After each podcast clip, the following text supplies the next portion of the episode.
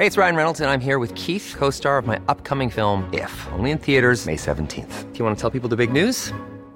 All right, I'll do it. Sign up now and you'll get unlimited for $15 a month in six months of Paramount Plus Essential Plan on us. Mintmobile.com slash switch. Upfront payment of $45 equivalent to $15 per month. Unlimited over 40 gigabytes per month. Face lower speeds. Videos at 480p. Active Mint customers by 531.24 get six months of Paramount Plus Essential Plan. Auto renews after six months. Offer ends May 31st, 2024. Separate Paramount Plus registration required. Terms and conditions apply if rated PG. Everyone knows therapy is great for solving problems, but getting therapy has its own problems too, like finding the right therapist, fitting into their schedule, and of course, the cost.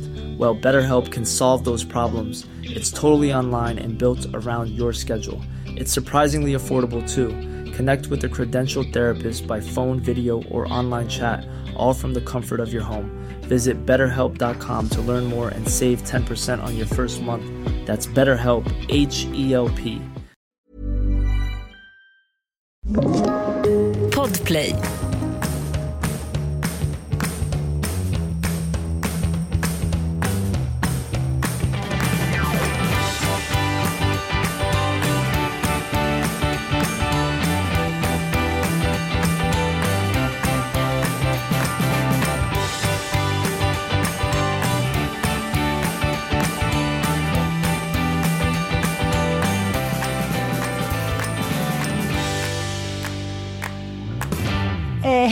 Välkomna till Lille Lördag Intervention.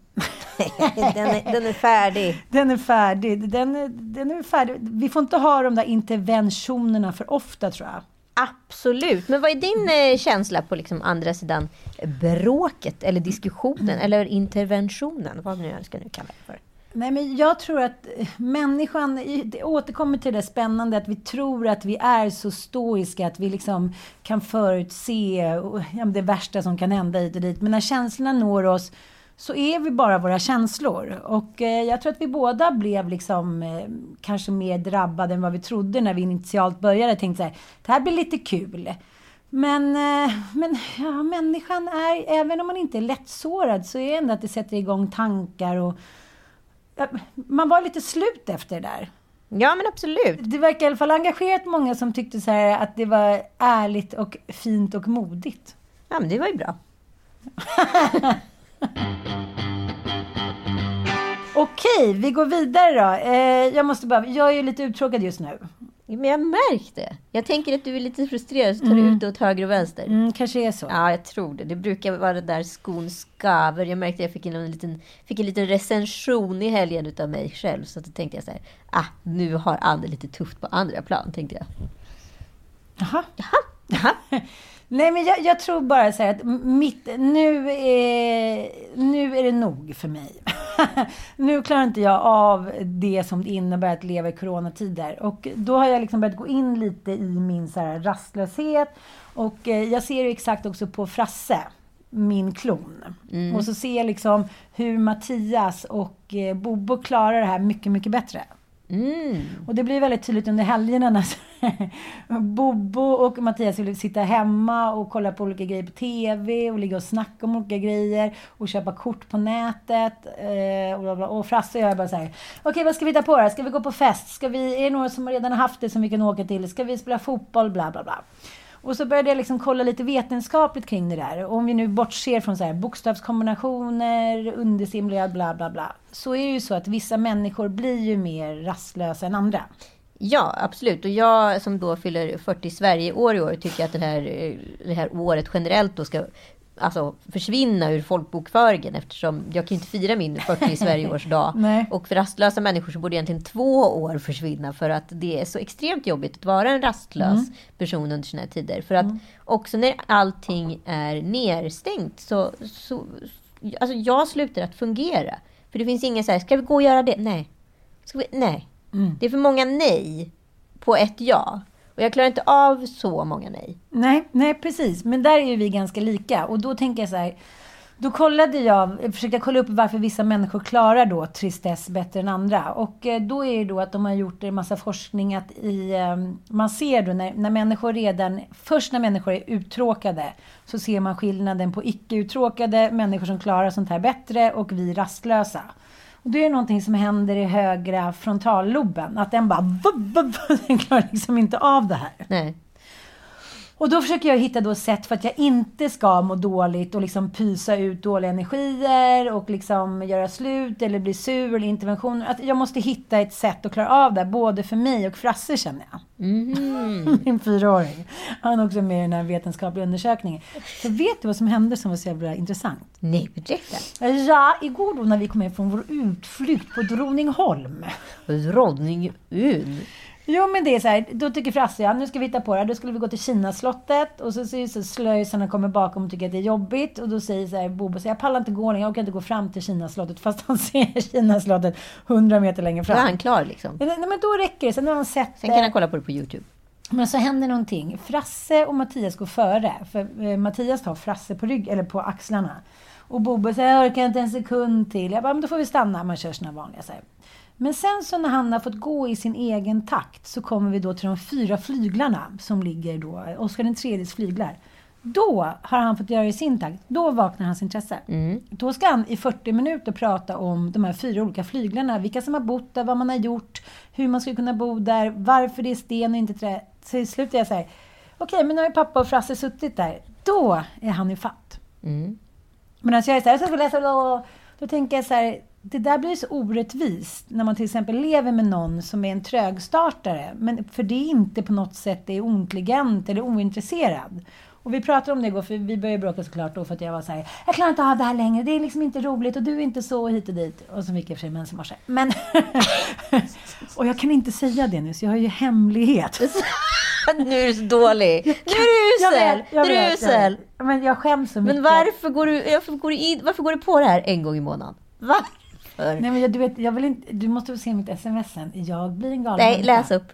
Läs upp direkt till våra poddlyssnare, till mig. Okej. Inge, alltså, vi- den här podden är 100% otransparent, så nu måste du. Jag vet, men alltså, det är sån skam att det sker en gång i månaden och jag inte kan adressera Men, det. och du tror inte Mattias förstår vad det handlar om? Jo, men grejen är, han i morse, så han bara... Så han, alla spelar med i charaden? Jag, bara, jag måste gå på toa lite bara så här. Jag bara, göm blodtrosorna, alla spelar med. Jag kan inte ge honom nu att jag fick menssvar. Jag kan inte det. För då faller ju hela min tes. Han- Okej, det här var ett bra sms, det ser jag. Som jag har för, oj, oj, oj, oj. oj. Ett på natten. Mm. Det är när jag ligger ensam. Nej, men det är när du ligger ensam, det är då du Med ska ringa Fralle. mig. Det är då du ska ringa en livlina. Du vet, jag har typ panikångest, jag mår så dåligt, allt är svart, jag kan inte leva vidare i den här relationen. Så det här gör slut-smset alltså? Jag vet, men det är exakt samma... Det här kommer ju varje månad. Fast nu var det Kan varje... du inte bara göra en bok med alla dina gör slut-sms? Det är väldigt roligt. Det är roligt. Det är väldigt roligt. Men jag kan inte läsa upp det. Jo, du måste. Du måste. Och stackars han, han försöker, han bara, vi får prata mer om det, du måste ha mer tid. Han bara jobbar och jobbar och jobbar. Okej. Okej. Ja, okej. Okej. Åh. Okej. Ja. Och så, så drama queen. Jag vet inte, punkt. Säg igen! Säg igen Okej. och så läser du med rätt röst. Jag vet inte. Jag fixar inte den här relationen längre.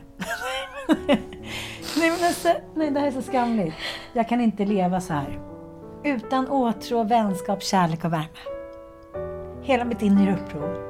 Jag är otroligt ledsen, men jag håller på att skrumpna ihop. Det är som en väldigt dålig schlagerlåt hittills. Det kommer inte bli bra om inte gör något radikalt. Jag har inga idéer. Du kommer upp med något, annars måste vi bryta upp.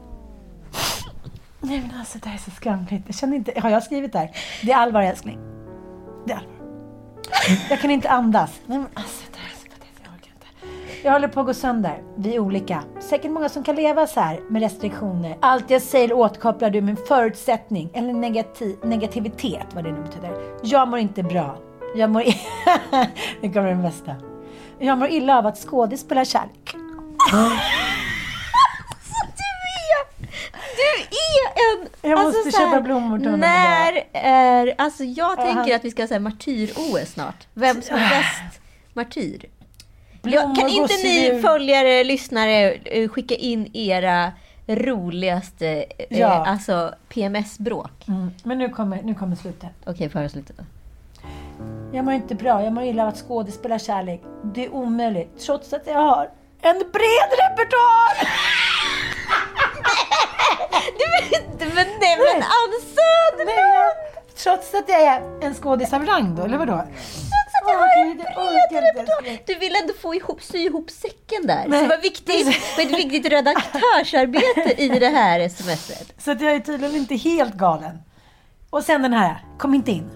Alltså, kom inte in. För jag, han, jag tänker så han kommer väl ge mig en kram. Liksom.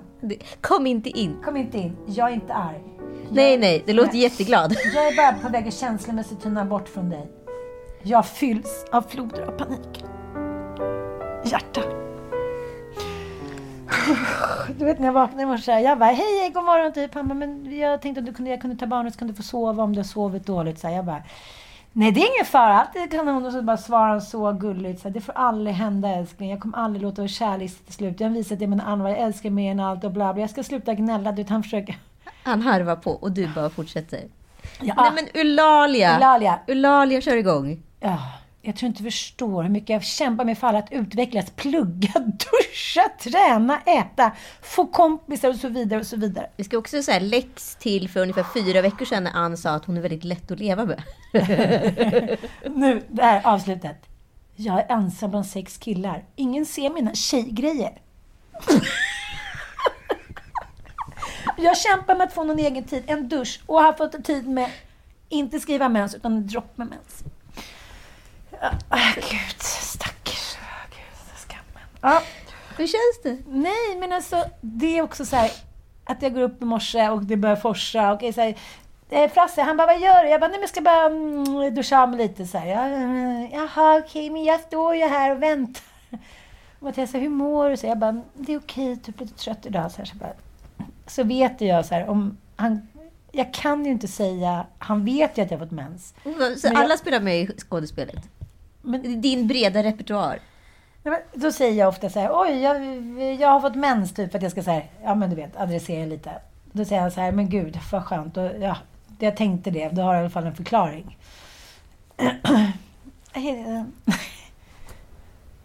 Ja, Nej, men det här är ju ändå, det här är ju inte jag. Nej, alltså där är ju du, men det är din värsta, om jag får säga det själv, så är det din värsta sida. När du är liksom, när det är martyr-SM som pågår. Ja. Vem, vem är det bäst synd om?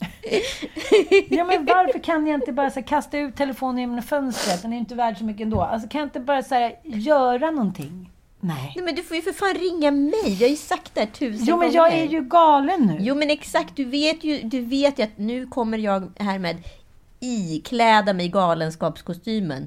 Och då, när jag har på mig galenskapskostymen, då får ni inte ta någonting jag säger på jag allvar. munkavle, Exakt. boll. Jag bara, Ja, eller Hannibal Lecter outfit, whatever. Struten, dumstruten är väl jo, fungerande. jag fattar. Men det är ändå så här, hur... Alltså, Tänk om förstår- du sprang runt med dumstrut hemma och skickade de där smsen. Så mycket lättare det skulle bli för alla att hantera dig. För då vet alla att så här, hon, har bara, hon har dumstruten på sig, men du vet inte om det. Jag försöker kämpa med mina tjejgrejer. Ta en dusch. Få ha män. Nej, men, alltså, Sex killar hemma, det är så jobbigt.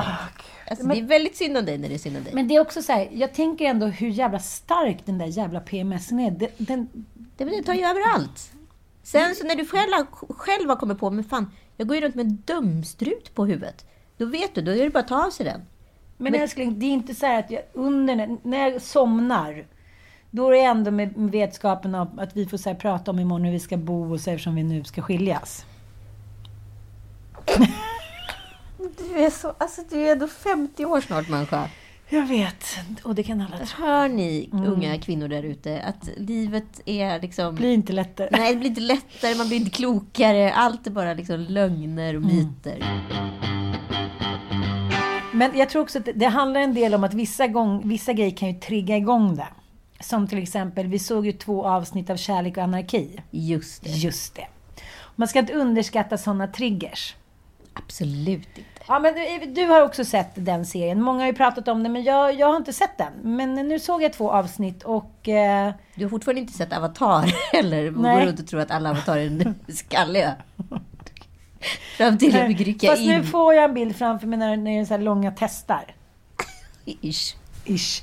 Just det, det måste vi också ta upp. Moralens, moralfrågorna från förra avsnittet. Nej, men det är ju så här, jag tror att den här serien säger ju väldigt mycket mer än vad den först utger sig för. Lisa som har skrivit den, Langset, hon är ju en väldigt liksom vass feministisk kvinna som vrider och vänder på grejer. Och jag tror att det, det som hon försöker säga med hela den här serien då, som handlar om en kvinna. eh, Sofie, som spelas av Ida Engvall. Och hennes man då. Johan, som spelas av Johannes Bah Kuhnke. Ja, som jag alltid tänker är 1,30 men är 2 meter. ja, hur som helst. De har ju ett eh, liksom... eh, Ja, men alltså, de är ju inte helt oattraherade av varandra, men det är något så här... Hon är ju uttråkad. Ja, men de har varit ihop, får man reda på lite senare i serien, sen de var liksom, ja, men gymnasiekärlekar. Liksom. Det, det har gått långt. Han vill Eh. gärna också ta rollen som så här, har varit den som har fått henne att bli den hon är. Precis. Han är ju då reklamfilmsregissör som framkommer senare och känner sig också ganska misslyckad som det. Han har blivit en sån där som man såg när man gick ur högstadiet och gymnasiet tyckte var svincool. Och sen så har det inte hänt så mycket. Och de här unga progressiva regissörerna har kommit väldigt mycket längre än honom. Och han står kvar. Ja, ja men, så, men hon är ju en framgångsrik, eh, vad ska man säga, hon går in och liksom styr upp företag. Vad kallas det? Hon, Ja, men hon är ju liksom managementkonsult och just nu är hon e-com-ansvarig då på ett bokförlag. Eh, hur som helst så börjar med att hon kommer in. Jag måste bara få po- ponera lite, alltså, ska jag måste bara få ponera mig lite här på inledningen. Ja, jag har också lite opponenter Ja. här. Hon kommer Klonk, alltså klonk, in... lägga in sån här klonk, klonk, klonk, klonk, Ja. klonk ljud? Ja. Nej men när eh, hon kommer in då Sofie och beter sig som en jävla 80-tals yuppie-arsle och är såhär, vad fan är det här för rum? Och så, ah, det får ni plocka bort och går in, ja men du vet den gamla tidens chef när ingen vågade säga ifrån. Så beter hon sig i alla fall de två första avsnitten. Eh, finns det sådana chefer fortfarande? Eh, jag tycker faktiskt det är en miss, måste jag säga. Ur, jag, jag är så otroligt eh, känslig för sånt som inte känns trovärdigt. Då börjar liksom mina tankar gå och då, då tar den ner serien på något sätt. Och just den sekvensen är extremt så här, talande för så här, det där gör ingen ny konsult på första dagen på sitt jobb. Man har inte liksom läst av någon i personalen, man har inte förstått vem som har vilken roll etc. Det där kanske man gör efter ett tag, men du gör inte det första dagen på ditt jobb. Så är det bara. Men då sa du att du hade fått lite liksom, mothugg. Att det var några som har sagt att så kan man visst vara Ja. är konsult. Så fick, jag fick lite mothugg på den. Jag satt på en middag här för ett tag sedan och så sa jag, det där trodde inte jag på. Och då fick jag säga, jo så där är det visst det. Så då verkar det vara som att det är 50-50 värld där ute. Hur som helst, sen så finns det en annan grej som jag störde mig otroligt mycket på. Det var det här med porrsurferiet. Eh, och runkeriet som hon gör på eh, kontoret. I första avsnittet så går hon alltså in på toa på morgonen. Barnen står utanför och skriker och tar fram telefonen och sätter igång och porrsurfar för att hon vill komma. Förmodligen någon stress relief eller eh, att hon är otillfredsställd på olika sätt. Eh, sen så gör hon även den här sekvensen på jobbet och blir påkommen. Hon ställer sig alltså och runkar vid sitt skrivbord, kollar på en p-macka, blir smygfilmad Dag utav två, liksom hennes kollega. Och det är liksom själva premissen för att få igång den här leken som upp, och kärleken som uppstår mellan henne och en yngre manlig kollega. Jävligt mycket yngre. Ja. Skitsamma. Eh, jag tror inte på det här. Alltså ett så tycker jag att det finns är problematiskt ur olika situationer. Om man som kvinna porrsurfar så gör man det oftast i extrem hemlighet eh, från familjen. Man kan inte heller slappna av när det står ungar utanför dörren och, och rycker i handtaget. Otroligt skickligt om hon kan det. Hon kanske är en av de få. Men då måste man förklara hennes sexmissbruk i sådana fall. Att, hon har, så- att hon är så sexgalen så hon måste komma hela tiden. Hade man förklarat det, då kunde man förstå liksom premissen på ett annat sätt. Att hon sen står och runkar vid sitt skrivbord, att hon inte ens besvärar sig av att gå in på toaletten på jobbet. Eh, det är ju, hade det här varit, då är det lite knasigt, roligt, charmigt, I don't know. För att hon är tjej. Men hade det här varit en manlig kollega så hade det här varit liksom ett indirekt ett sexuellt alltså brott. Ja, men... men Alltså vad är blottare? Jag vet inte vad det heter. nej, Brottsligt. men, nej, men vadå? Det hände ju den eh, amerikanska journalisten Jeffrey Tubin som är mångårig respekterad medarbetare på New York Times. Som då, nu gör jag citationstecken, råkade eh, att inte stänga av sin Zoom-kamera då när, när det var en liten paus från, eh, ja, om de hade någon workshop. De skulle spela olika roller under, under presidentvalet. Han åkte ju ut med liksom huvudet före, fick be om ursäkt till sin familj, fick be om ursäkt till ditten och datten och kommer aldrig mer få sätta sin fot på New York Times och säkert inte på någon annan stor institution heller. Men här ska det framstå som att det är gulligt och tokigt och då blir det lite så här, men varför då? Alltså, jag, jag förstår, så här, hela, det blir ett roligt upplägg och det blir så här, wow, vi vrider och vänder på det. Hur blir det då?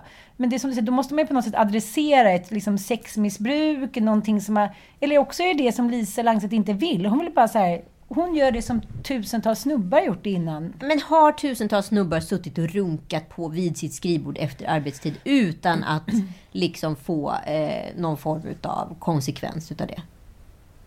Nej, jag tror faktiskt inte det. Nej, jag tror, jag, men, och därför blir det så här, om de hade förklarat i första avsnittet eller liksom etablerat den liksom, grejen att så här, ja, hon har, är, är, så jävla sexuellt frustrerad. De, de knullar en gång i halvåret, hon och en snubbe.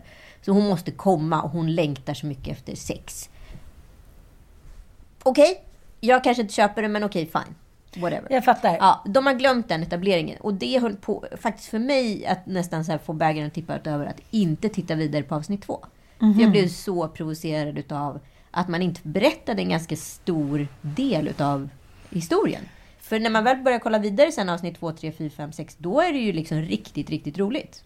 För grejen är att Den vita stenen var ju en, en, ett barnprogram som gick när vi var små. Som handlade om Hampus och Sofia som då hade en vit sten där de utmanade varandra. Och man, man känner ju igen att det ska vara lite så. Att det ja. ska vara gulligt. Och Farligt begär med Glenn Close, Michelle Pfeiffer mm. och mm. eh, vad heter John Malkovich. Mm. Det är ju mm. samma premiss liksom. Och den är ju skitkul. Men, men det är som du säger, det blir lite så att det inte ens då ska säga det ska bara vara som jag tycker framstår så, så här gulligt och mysigt. Och han är också den här 20-åriga killen. Han är så här, kollar på henne som att hon är så här, lilla tokis typ. Det här ska vi nog ordna. Det är någonting som inte vibbar med det tycker jag.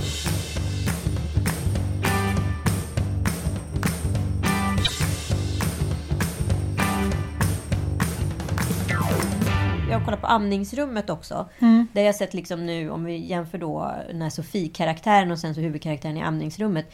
Som handlar om kvinnor som har fått då eh, en, en baby blues, mm. helt enkelt. Amningsdepression. Ja. Mm. Eh, och eh, de här kvinnorna är ju stenhårda, iskalla och så vidare i amningsrummet. Och jag kan liksom inte alliera mig med någon av dem. Och så tänker jag så här, är det, här, är det så här vi kvinnor har blivit? Shit, vilka jobbiga jävlar. Mm. På riktigt.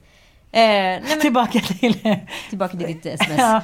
Nej, men och, och, det fanns... Det man har lyckats med i Succession, exempelvis, där man har, och Sopranos, som egentligen är en serie med väldigt osympatiska personer, som man har lyckats att göra sympatiska. Det är ju liksom filmen och en, ett gott berättandes bästa konstform. Eh, där man liksom allierar sig med de osköna för att man liksom så här, man förstår deras tankar med deras resonemang. Här tittar man utifrån och in och kommer liksom aldrig in i karaktärerna och här får jag problem igen. Liksom. Och blir väldigt oroad över den här typen av så här kvinnoporträttering som just nu pågår. Utav kvinnor. Och då mm. tänker jag så här, är det så här vi vill uppleva som och är det så här vi vill bli betraktade som? Då är det ju någonting som är väldigt, väldigt fel. Men jag tänker också att det är lite barnsjukdomar. Kvinnor har aldrig porträtterats på det här sättet utan att framstå som galna. Men det är ju bara att ta liksom hela historien full av... Kerstin Thorvall är ju ett ja, fantastiskt men, ja, exempel. Absolut. Men, men det jag menar är att jag tror så här, vi vet inte riktigt hur vi ska göra. Så att det blir liksom... Eh, vi framstår som vi här, kyliga, kör över folk. Men, men jag tänker så här, om man tar en, en, en klassisk manlig typ då. Cornelis Vreeswijk sånt jävla arsle mot liksom alla kvinnor han någonsin träffade. Super ut, oansvarig hitan och ditan. Det finns tusen snubbar. Men ändå så känner man så här, man känner sympati med honom när han blir lurad utav de där två snubbarna som, som han ska gå hem och ligga med. För att han är en mänsklig jävel. Han har, så här, han har ett bagage. Om man inte visar ett bagage och bara framställer någon tjej som så här, helt utan känslor. Då, liksom, jag tycker inte att det fyller någon funktion med att man känner så här, gud, är det så här ska, är det så här, som du säger, är det så här vi vill framstå? Är det så här tjejer ska vara i framtiden? Så här, flytta till liksom, planeten Pluto, dra allihopa, ta ättestupan snubbar, för det här kommer inte bli roligt. Nej, jag, här, jag kan inte skriva under på det porträttet. Jag tycker så här, det hade varit intressant att visa att vi är sjukt komplicerade, att man mår dåligt i en förlossningsdepression och känner sig liksom attached till kanske både världen och sitt barn eller vad det nu Ja. är. Liksom, och sin snubbe. Att man är oförstådd. Men att kunna porträttera det oförståendet inifrån istället för att titta på det utifrån och in. Och det här hänger väldigt mycket ihop tycker jag med ett socialt mediesamhälle där vi hela tiden objektifierar oss och kollar på oss utifrån. Jim Jeffries skojar i en, i en stand-up nu nyss. Eh, där han pratar om hur sjukt det är att vi tar selfies egentligen. Det är ingen som har ens ifrågasatt sjukdomen i en selfie. Vilket jävla konstigt fenomen det är. Och det är ju det. Att vi bara så får feeling och ta upp kameran och ta en bild på oss själva. Det skulle inte hänt på 80, 90 eller 00-talet. Det är liksom si- signifikant för liksom 10-talet och 20-talet. Och jag, jag tänker så här, mina barn ibland när jag ska ta någon bild på, på Bobo, så jag säger, men lägg av, jag känner inte för att de instinktivt känner så här, men sluta och så här, sluta och visa upp mig när jag bara gör en vardagsgrej. Så här, varför ska det här visas upp? du Anita i din och Bobos relation? Precis. Det finns en scen i amningsrummet där en av tjejerna biter sin snubbe för att hon blir så jävla arg för att inte han vaknar. Och då bara kommer jag att tänka på, jag kommer ihåg liksom, mot sluttampen där, när så här, tre år av amning har gått med typ Frasse, den längsta ammaren i Sverige. När liksom Mattias fortfarande inte valt att jag sparkade ner honom på golvet en gång. Jag blev så jävla upprörd. Jag säger okej nu får du putta putta. Eh, eh. Och så, putta putta och sen bara, men det är en jävla idiot. Alltså inte så att jag bara, men att jag liksom, Quote four pods ago, I'm so easy to live with. jag måste skicka förlåt nu. Nej, det får du göra efter podden. Okej, okej. Kan hålla ut. Ja, så det, det är intressant i alla fall. Det men, är väldigt, alltså, så grejen är, de, de är så jävla nära att bli fantastiska, men det blir liksom inte fan superfantastiskt. Nu tycker jag verkligen att så här, Kärlek och anarki har lyft, men jag tycker att Amningsrummet har svårare att lyfta. Och jag, hoppades väldigt mycket på de här serierna, för jag vill att de ska vara bra, och så blir jag liksom så jävla besviken. Jag har inte sett Andningsrummet. De recensioner jag läst var just det att man inte, man inte tycker om eller känner med eller kan identifiera sig med. Och det är väl det hela som liksom berättartekniken går ut på sen vi stod runt en eld och typ tuggade på bison. Att så här, man vill få med sig de andra människorna genom att berätta om vardagliga saker där man kan känna igen sig. Och det är väl det som kanske fattas. Eh, eh, nej, men jag, såg, jag såg en intervju på eh, morgon-tv med regissören till Hämningsrummet och där de frågade om eh, ja, men är det svårt att göra humor. Nej, det är jättelätt, tyckte regissören. Jag tycker det är roligt när man själv har skrivit sketcher och sen spelar in och tycker att det är jättekul, så kollar någon annan och så här. Alltså, eh, det är inte lätt. Det var inte rätt och inte lätt. Men våran show, Våran show den kommer att däremot. bli så rolig. Ja, vi måste ändå prata om något helt annat, oerhört vitalt i sammanhanget. Årets julklapp. Årets julklapp, vet du vad det är? Nej, ingen aning eftersom jag eh, har ägnat mig åt annat. Skriva sms. Otroligt långa essäer. Tänk om du levde samma, på samma tid som Potemkin och Katarina den store. Där då hade tjänare som sprang mellan rummen och lämnade olika lappar till varandra. Det var en brevväxling. Det var som dåtidens sms, fast man hade då... De hade varit utbrända nu. Ja, de hade varit utbredda vid det här laget. Fått byta ut dem tre gånger om, för man hade slitit ner hälarna för många sms. Hälsporre. Det. Hur, hur som helst, så årets julklapp är alltså Stormköket. Vad säger du? Stormköket. Vadå, ska vi gå ut och äta nu? Ska vi göra egen mat på Ja, gatan? de, det här är väl någon koppling då till att många har stuckit till fjälls, att vi semestrar i Sverige igen, 80-talet är tillbaka all over, ofrivilligt eller inte. Hur som helst ska jag tänka så här att, hallå där lilla eh, Årets julklapp-kommittén. Nu ska vi tänka till ett steg extra här. Sverige blöder just nu. Eh, restaurang, hotell etc. Vad händer med presentkortet på kanske just hotell och restaurang?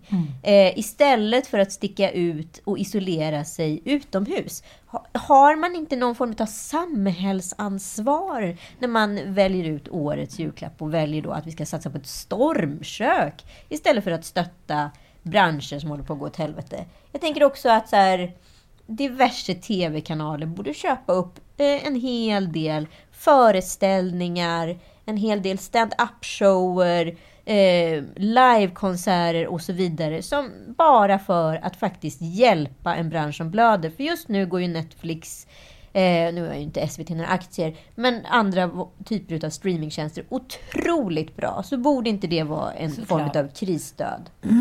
Jag tänker också att eh, till exempel stora plattformar ja, men, dagstidningar och liknande, alltså kunde ha en, vad ska jag säga, kanal där då eh, till exempel ståuppkomiker kan sända sina alster för en liten peng. Ja, men som Patreon funkar Ja, precis. Måste, jag känner så här, det här är det som är problemet med svensken och det är någon som har kallat att vi är krigsskadade eftersom vi, det var så otroligt länge sedan vi drabbades av någonting liknande. Så blir vi liksom lite tafatta. Vi blir liksom lite sårade över att det inte löser sig tillräckligt snabbt. Och det är ju lite det som har hänt nu. Ja, men jag tycker ju att man måste eh, tänka på den här tiden som ett tredje världskrig för att lära sig förhålla sig till det överhuvudtaget. Och jag tror det finns någonting i svensken som också är otroligt förvirrat. Efter år utav, eh, vad ska vi kalla det för, utröstning, eh, prestige-tv utav olika slag, i allt från Idol till Expedition Robinson. Och tidigare då med tävlingsmoment i form utav eh, femmilen, längdskidor etc. Biggest vi, loser. Ja, men där vi vunnit på hundradelarna på slutet. Vi, det kan ha gått dåligt för oss i mitten av loppet, men sen kom fan med Wassberg och Gunde Svan och Torgny Mogren mm. och tog igen, precis som Ingemar Stenmark gjorde på liksom... Sega virket. Sega, vi är vinnare. vi ser oss som vinnare. Sista, mm. Hundradelarna på slutet har vi mm. alltid tagit igen. Det är därför vi har haft sån tro på Folkhälsomyndigheten mm. när de hade satt fel prognos i våras. För vi tänkte, ja, i höst, i höst vinner vi. Mm. Då kommer vi få visa att vi tänkte rätt. Den trägen vinner, så att mm. säga. Men trägen vann inte den här gången. Nej. Och för oss att inte kunna ha rätt eller fel, och framförallt inte rätt, är jävligt jobbigt. Mm. Jag tänker att mycket av den här mentaliteten kan vi skylla Ingvar Kamprad för. Ja. Det är någon form av IKEA-mentalitet. Man mm. kämpar och man kämpar och man ska inte visa utåt att man har det göttigt eller att man unnar sig, utan man, man ska sitta här och vara, liksom, eh, vara på sin kant lite grann. Och sen så vinner man i slutändan och blir den som går hem med alla prispengar och guldmedaljer. Så blev det inte så den här gången. Nej. Det känns väldigt förvirrat tycker jag. Och, eh, Men också det här att ingen vet. Ingen vet. Vi måste få veta snart. Är det så här, att det är på grund av att jag har en viss typ av eh, blodgrupp eller är det på grund av att jag har för lite utav det här? Eller, alltså så här, vi måste veta för att den här ovissheten där man isolerar hela samhällen, där man liksom räddar gamla till förmån för unga och så vidare, den kommer att komma med ett mycket högre pris. Mm. Om inte samhället börjar agera, alltså exempelvis på första världskriget så var ju kulturen extremt viktig. Det var då alla de här eh, nöjespalatsen byggdes, mm. alla de här små olika, olika teatrarna byggdes, mm. där alla revyer gick. Mm. Eh, det var ju baserat på att eh, humor, skratt etc höll vansinne på avstånd. Om teatrar inte får ha 300 sittande, men en restaurang får ha det med x antal eh, personer placerade vid varje bord, men ställer in en liksom, gitarrist eller en sångare på scen eller en stand-up-komiker, då är det helt plötsligt mm. en fara för samhället. Där är det ett problematiskt feltänk i hela den här pandemiska situationen. Och ja, om vi vill smittobegränsa, då är det i sådana fall lockdown som gäller. Mm, det, det, räcker nu. Nu är det bara lite så här, nu som vi sa förra gången, nu är det bläckfisken på som bestämmer vilka som ska överleva och inte. Jag tycker det är intressant, jag kommer att tänka på eh, efter 9-11. Eh, dagen efter kom ju Jay-Z's nya album ut. Just det. Mm. Och det handlar ju bara om så här, ja men eh, get hoes, get rich, buy gold typ. Ja men du fattar. Mycket sådana texter hur man ska så här, gå från eh, Eh, ja, men från fattigdom till att leva ett liv i lyx liksom, och vad det innebar. Och det kanske inte framstår som så finkänsligt, men eh, det var som de sa, det albumet sålde ju så här, du vet, en och en halv miljon skivor på typ en vecka. Det var precis det som amerikanerna ville ha då.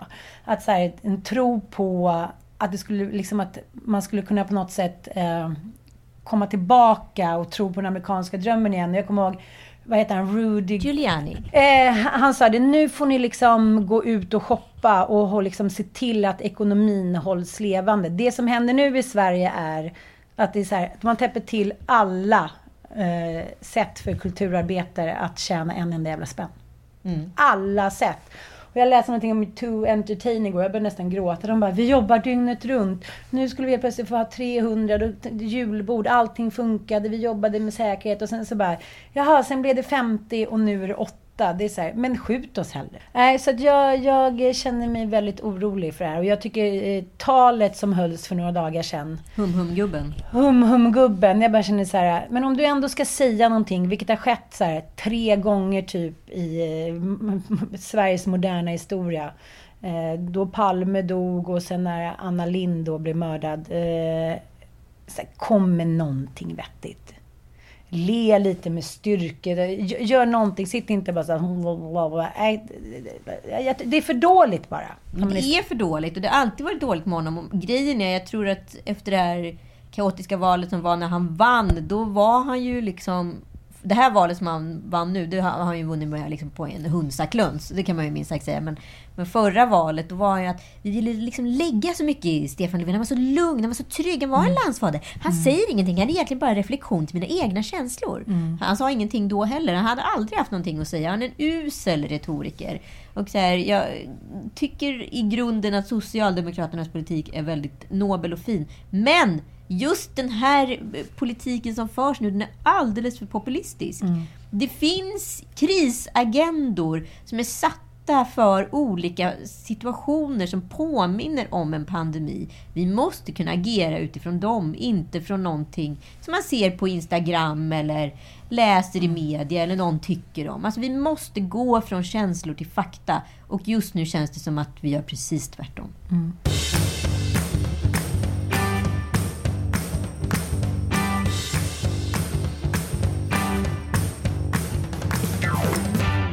De är livrädda. Men jag såg att Anders Borg likade dig på din 40-åriga födelsedag i Sverige. Så jag tänker så här, Anders, så här, låt håret växa ut och kom, kom tillbaka. tillbaka. Allt är förlåtet. Där var ju ändå en politiker av fan hög klass. Ja, det är inte så många politiker som är utav hög klass, men där har du faktiskt en. Och eh, säga vad man vill om propellerdanser eller inte. Men jag blir ändå väldigt glad. Visst är det roligt att bara kolla på så folk som likar? Och så helt plötsligt såg jag att Gunilla Persson var inne och likade också. Jag är så jävla glad för det. Ja men gud vad bra. Jag, jag... Till de två som vill gratta dig på födelsedagen. säger så mycket. Ska så stor fest när det här är över. Oj, oj, oj. Jag skulle ju haft en riktig jävla superbrakmiddag. För bara mina tjejer och killar. Alltså gays. Jag fattar. Ja. Och då var det alltså 110 stycken som var inbjudna. Och vi skulle haft, det skulle varit en stor ja, show. Jag var tydligen inte bjuden. Trist. Jo, mm. du var bjuden. Alla var bjudna. Mm. Men... Eh, Inbjudan kom inte iväg. Jag hade så roliga tal till alla borden. Jag hade så roliga placeringar. Allt var borta. Det kommer tillbaka. Kommer väl tillbaka. Det får och, bli en sommarfest igen. Mm, och för att avsluta då eh, den rastlösa människans eh, boja. Så, eh, Hur går det med repertoaren? Nej, men jag, jag, jag, läste då lite olika tricks som uttråkade människor gjorde för att inte liksom hamna i... För när man blir uttråkad så blir man ju lätt deprimerad. Exakt. Mm. Det är det du är nu i din breda ja. repertoar. och då var det så här, bra saker som händer när man är uttråkad. Man måste bearbeta saker. Nej tack. Eh, man får ett kreativt flöde. Det har jag redan. Eh, det var liksom ingenting som kunde kicka. Men så var det en grej som en av de här personerna i då forskningsgruppen hade sagt. Jag brukar ofta ligga och öva in olika sånger. Mm. i mitt huvud. Så här, julsånger. Jag tänkte här, varför älskade jag, varför var jag så besatt av att sjunga i kör under så många år? Och då tänker jag att det var ett sätt att hålla min rastlöshet borta. Att jag kunde ligga och tänka på låtar typ, som jag skulle lära mig att sjunga hit och dit. Så att då tänker jag så att det är ett nytt sätt. Att de sa så här, om man har en timme om dagen där man har ett mål. Man är tvungen att ha ett mål när man är en rastlös, lätt uttråkad människa. Så då har jag tänkt så här, en timme per dag ska jag göra någonting som är mitt dagens mål. Mm. Det är en ganska smart grej. Det är smart. Mm. Så nu ska jag lära mig en massa julsånger och sen ska jag börja springa Guldfisken Ann har kommit på ett nytt mål och kommer springa dit och sen kommer hon klidra lite där och sen kommer hon ha ett nytt mål nästa vecka. Det är vägen till målet som är viktigt. Men du kan också, det är ett bra råd. Ja! Okej, nu vill jag veta vad du har för mål den här veckan. Får vi se om det ändrats nästa vecka. Eh, komma igång och springa. Ah, bra mål. Tack. Och sen så skriva en, en liten text varje dag. Bra mål kan du jobba på våra föreställningar. Ja! ja! Perfekt! Så nu känner mig peppad. Men man måste alltid hitta vägen ut. Och det gillar jag, både, det gillar jag också väldigt, väldigt mycket med dig. Därför gillar jag att hänga med dig. Att det är så här, man fastnar inte i grubblerier. Nej, nej, nej, nej. Inte tid för eftertanke. Bara framåt. Och en sista grej också. Nu får du vara helt ärlig mot mig. Absolut. När du såg de första avsnitten av Kärlek Anarki. Mm. Såg du de avsnitten med Joel? Mm. du vet, det är vissa serier och filmer när man sitter där så här, När man var liten och några kysstes på Dallas. Så här, Exakt vad så, jobbigt det var. Man bara, okej okay, men nu bara visa mina... Bla, så blev det lite med den här serien, att, man, att jag hör mig själv också, så här Prussiluskan. Jag bara, ska hon uh, onanera i ånyo? Värst för hon verkar kåt. Ja, men, båda så superavis på att vårt... Ja, men du vet, man börjar så tänka på ens eget sexliv. Så jag får ju också så här, jag, får ju, jag, får ju, jag är ju på andra sidan. Jag är ju, jag är ju där hon den, den, rollen hon är på väg in i. Förstår du? Fattar, fattar. Ja, så det är också så, jag märker att Joel är oerhört obekväm. Mm. För att han vill ju inte vara den där unge hunken, vilket han är. Ja, ja. Eh, och jag vill ju inte heller vara den där kåtsländan. Aha! Ja, och jag är kåtsländan. Mm. Alltså det blir liksom en helt annan diskussion. vad, bra, han är Björn, vad bra, han är Björn Kjellman. Man sitter och fokuserar på andra grejer. Och jag känner också det. Oj, är det Björn Kjellman? Efter två avsnitt. ja, man pratar om saker, alltså det blir ett skådespel. Men jag tycker att det som är intressant också med den här serien, kan vi köra lite som avslut och se om du håller med mig. Det är också att den sätter eh, fingret på ett samtidsproblem. Att tjejer är jävligt otillfredsställda i det här landet. Otroligt otillfredsställda. Och det har vi sagt i den här podden hela tiden. Mm. Du och jag är ju två riktiga kåtsländor jämfört mm. med våra partners. Så har det väl alltid varit? Ja! jag hade någon på 60-talet. Nej, men det har... Ja, I och för sig mitt ex kanske. Ja. Men, men eh, många gånger har det varit så att jag har känt så här, jaha, nej, nu tyckte de att kråkan och snigeln kommer kraxande på...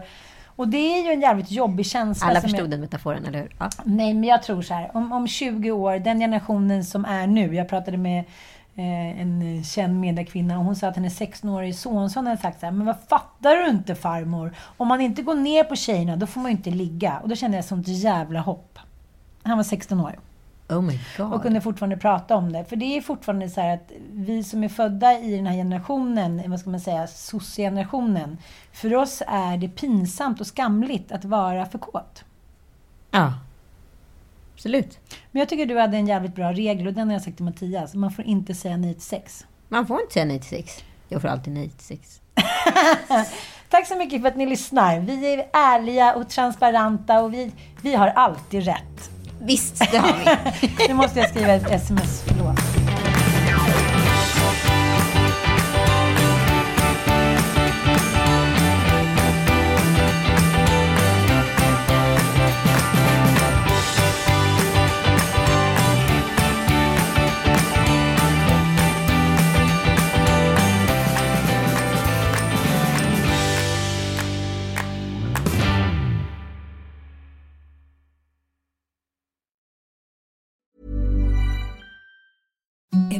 The softest sheets you've ever felt. Now imagine them getting even softer over time. That's what you'll feel with Bowl and Branch's organic cotton sheets. In a recent customer survey, 96% replied that Bowl and Branch sheets get softer with every wash. Start getting your best night's sleep in these sheets that get softer and softer for years to come. Try their sheets with a 30-night guarantee. Plus, get 15% off your first order at bowlandbranch.com. Code BUTTERY. Exclusions apply. See site for details.